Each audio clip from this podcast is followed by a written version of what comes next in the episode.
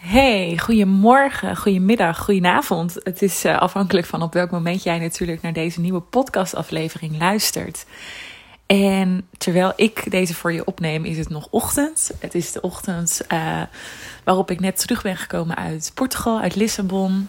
Ik ben weer wakker geworden in mijn eigen huis. En wow, wat is er toch onwijs veel gebeurd. En wat ga ik daar nog veel over delen de komende tijd met je. Zoals je misschien hoort, heb ik een beetje een ochtendstem nog. Maar ik voelde heel erg de behoefte om dit verhaal met je te delen. Ik weet ook nog niet wanneer ik het online ga zetten. Het is eigenlijk ook een beetje een, um, ja, een verhaal wat ik niet onbesproken wil laten. En wat ik vooral ook zelf nog vaker terug wil horen. Omdat het voor mij zo. Um, ja, het heeft echt wel veel veranderd. En je zult misschien denken, Nathalie, waar gaat dit dan over? Gaat het over je wens om naar Portugal te, te gaan en te gaan wonen? Uh, nee, daar gaat het nu niet over. Het gaat namelijk over de liefde. Eigenlijk de liefde voor jezelf. Maar um, nu denk je misschien van, joh, welke kant gaat dit nou op? En wat bedoel je hier nou precies mee? Um, ja, hoe ga ik dit uitleggen? Um, als je me al langer volgt, dan weet je dat ik al best wel geruime tijd vrijgezel ben. En daar is ook niks mis mee. Absoluut niet. Um, ik heb in 2017 is mijn uh, laatste relatie uh, geëindigd. Dat was ook niet helemaal mijn keuze, zeg maar. Um, ik heb het daar heel moeilijk mee gehad. Um, daar heb ik echt ook wel wat jaren de tijd voor nodig gehad om daar echt, ja, om dat echt een plek te geven. We zijn ook helemaal oké met elkaar en uh, het is allemaal niet rot gelopen of zo, dat helemaal niet. Maar ik had wel heel erg moeite om, om hem los te laten. En dat was juist omdat hij in mijn leven was gekomen. Uh, nou ja, op een moment waarop het eigenlijk heel goed met me ging. Ik was toen aan het studeren. En nou ja, uh, hè, dan ben je gewoon nog uh, helemaal jong en bezig met je toekomst. En nou ja, goed, ik werd smoor verliefd. En we hebben drie fantastische jaren gehad. En dat had ik ook nooit willen missen. En nou ja, hij is en blijft mij altijd heel dierbaar. Dat weet hij ook. Maar um, het was wel moeilijk om, om zo'n fijne relatie dan los te laten. En in de jaren daarna raakte ik burn-out en merkte ik gewoon aan mezelf dat ik niet echt behoefte had aan, um, ja, aan een nieuwe relatie, maar ook geen ruimte had. Vooral omdat het echt nodig was dat ik eerst aan een relatie met mezelf zou gaan werken. En misschien herken je dat wel. Ik weet dat ik spreek best wel vaak uh, uh, mensen op Instagram in mijn DM die ook delen over het beëindigen van relaties. En dat ze voelen dat dat ook ja, uh, enerzijds heel heftig is geweest, maar ook weer ruimte geeft voor um, ja, ruimte met jezelf, hè, tijd met jezelf doorbrengen. En um, in mijn geval werden dat best wel wat jaren waarin ik ruimte maakte om met mezelf te zijn en ruimte met mezelf door te brengen.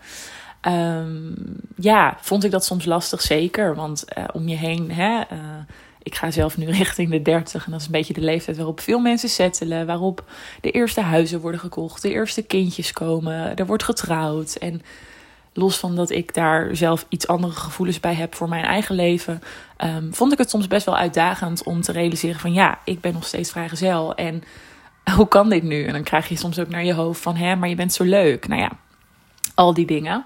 Er komen hier ondertussen trouwens wat ambulances zo langs. Dus als je iets hoort op de achtergrond, het is hier iets minder stil dan het in Lissabon was. maar goed, ik ga gewoon door. Um, ja, waar gaat dit verhaal nu heen? Nou, ik heb dus wel afgelopen jaar voor het eerst weer gedate. En uh, daar deel ik verder niet super veel over. Omdat ik zelf dus merk dat dat voor mijzelf nog best wel een ja, gevoelig proces is. Ik kom daar gewoon heel veel in tegen. En ik merk dan dat dat niet de onderwerpen zijn om echt over te delen als ik daar zelf nog heel erg in zit. Um, maar deze, wat er nu is gebeurd, dat kan ik gewoon je niet um, onthouden. Zo voelt het. En het is ook heel erg groot onderdeel nu van mijn eigen proces. Dus dan, ja, dan wil ik dat gewoon uiten. Zo ben ik. Um, ik was namelijk in Lissabon. En je voelt het misschien al aankomen. Daar heb ik iemand ontmoet. En dat gebeurde echt hoe toevallig. Nou ja, toeval bestaat niet. Ik geloof gewoon niet in toeval. Maar dat gebeurde nadat Danique, uh, de ondernemersvriendin met wie ik uh, daar de eerste twee weken was, zij vertrok naar huis op een vrijdag. En ik zat die vrijdagavond echt jankend op de bank. Omdat ik dacht: oh jee, nu ben ik alleen. En niet omdat ik niet alleen kan zijn of wil zijn. Maar als je dan twee weken samen met iemand bent geweest, dan ja, dan is het best wel gek natuurlijk om even helemaal weer op jezelf aangewezen te zijn. En we hadden het zo fijn gehad. Dus nou ja, die zaterdag, ik ging lekker het huishouden doen. Ik ging daar alles poetsen en ik ging nieuwe boodschappen halen. Zodat ik in mijn laatste vakantieweek, dat ik dan ook gewoon lekker van alle gemakken voorzien was.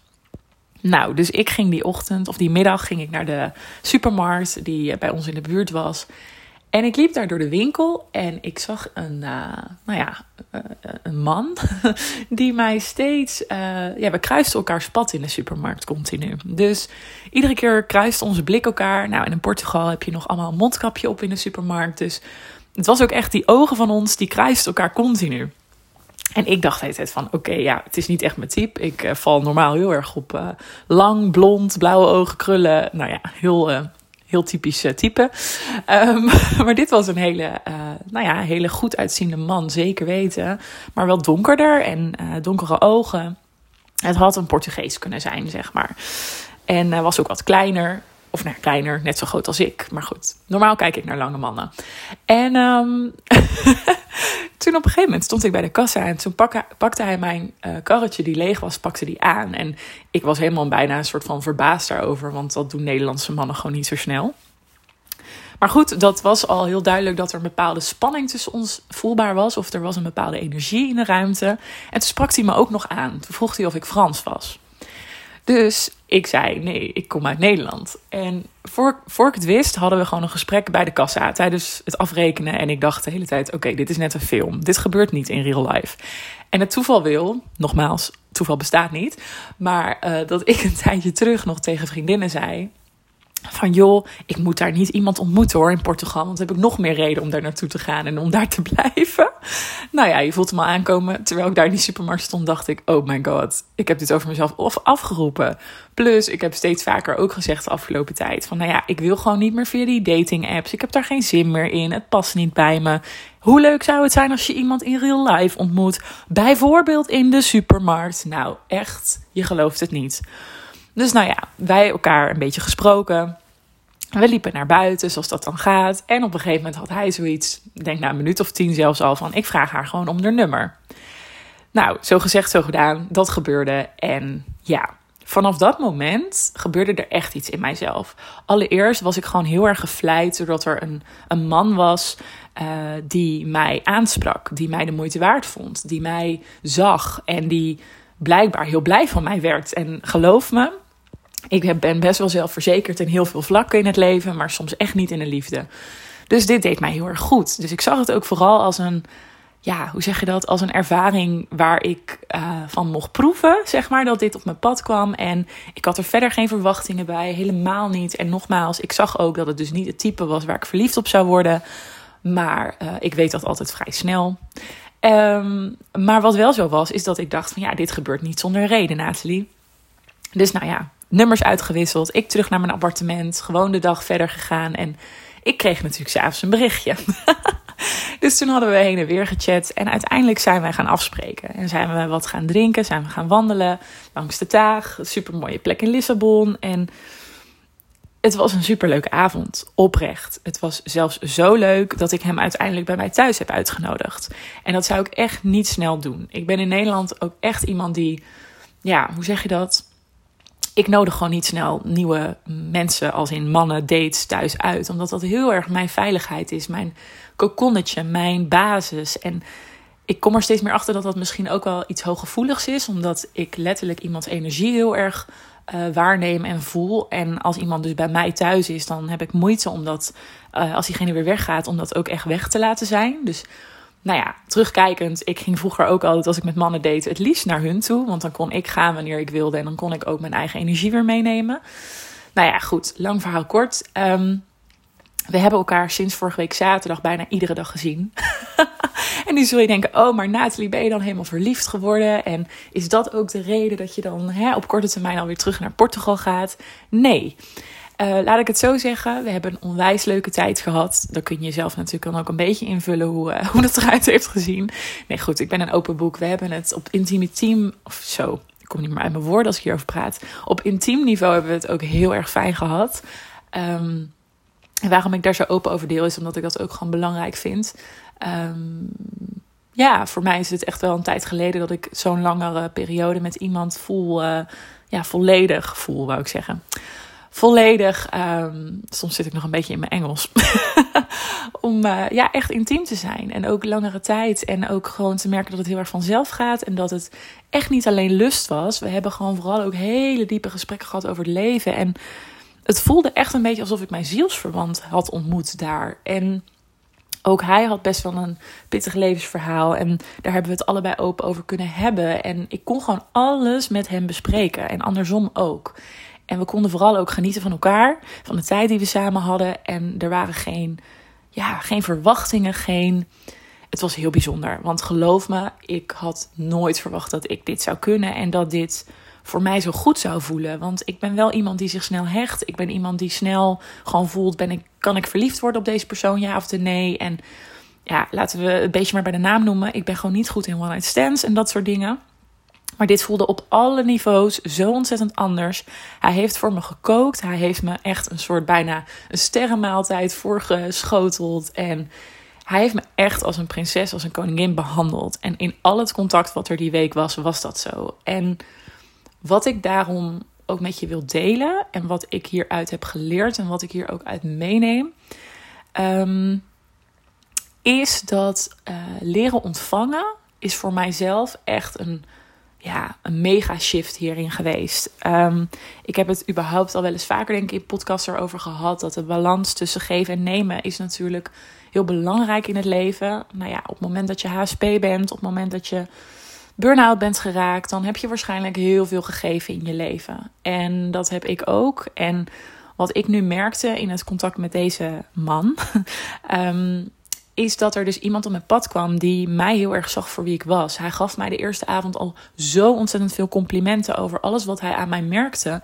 dat ik daar gewoon helemaal bijna van bevroor. Ik werd daar heel ongemakkelijk van, omdat ik dacht: hè, wat is dit? En Iemand heeft gewoon meteen oog voor mij. Iemand is eerlijk met me. Iemand die ja, heeft gewoon oprechte complimenten. Want in eerste instantie dacht ik ook, ja, je wil gewoon met me naar bed. Maar nee, het was echt heel snel al duidelijk dat hij echt iets bij mij voelde. En dat we ja, op een dieper niveau contact met elkaar konden maken.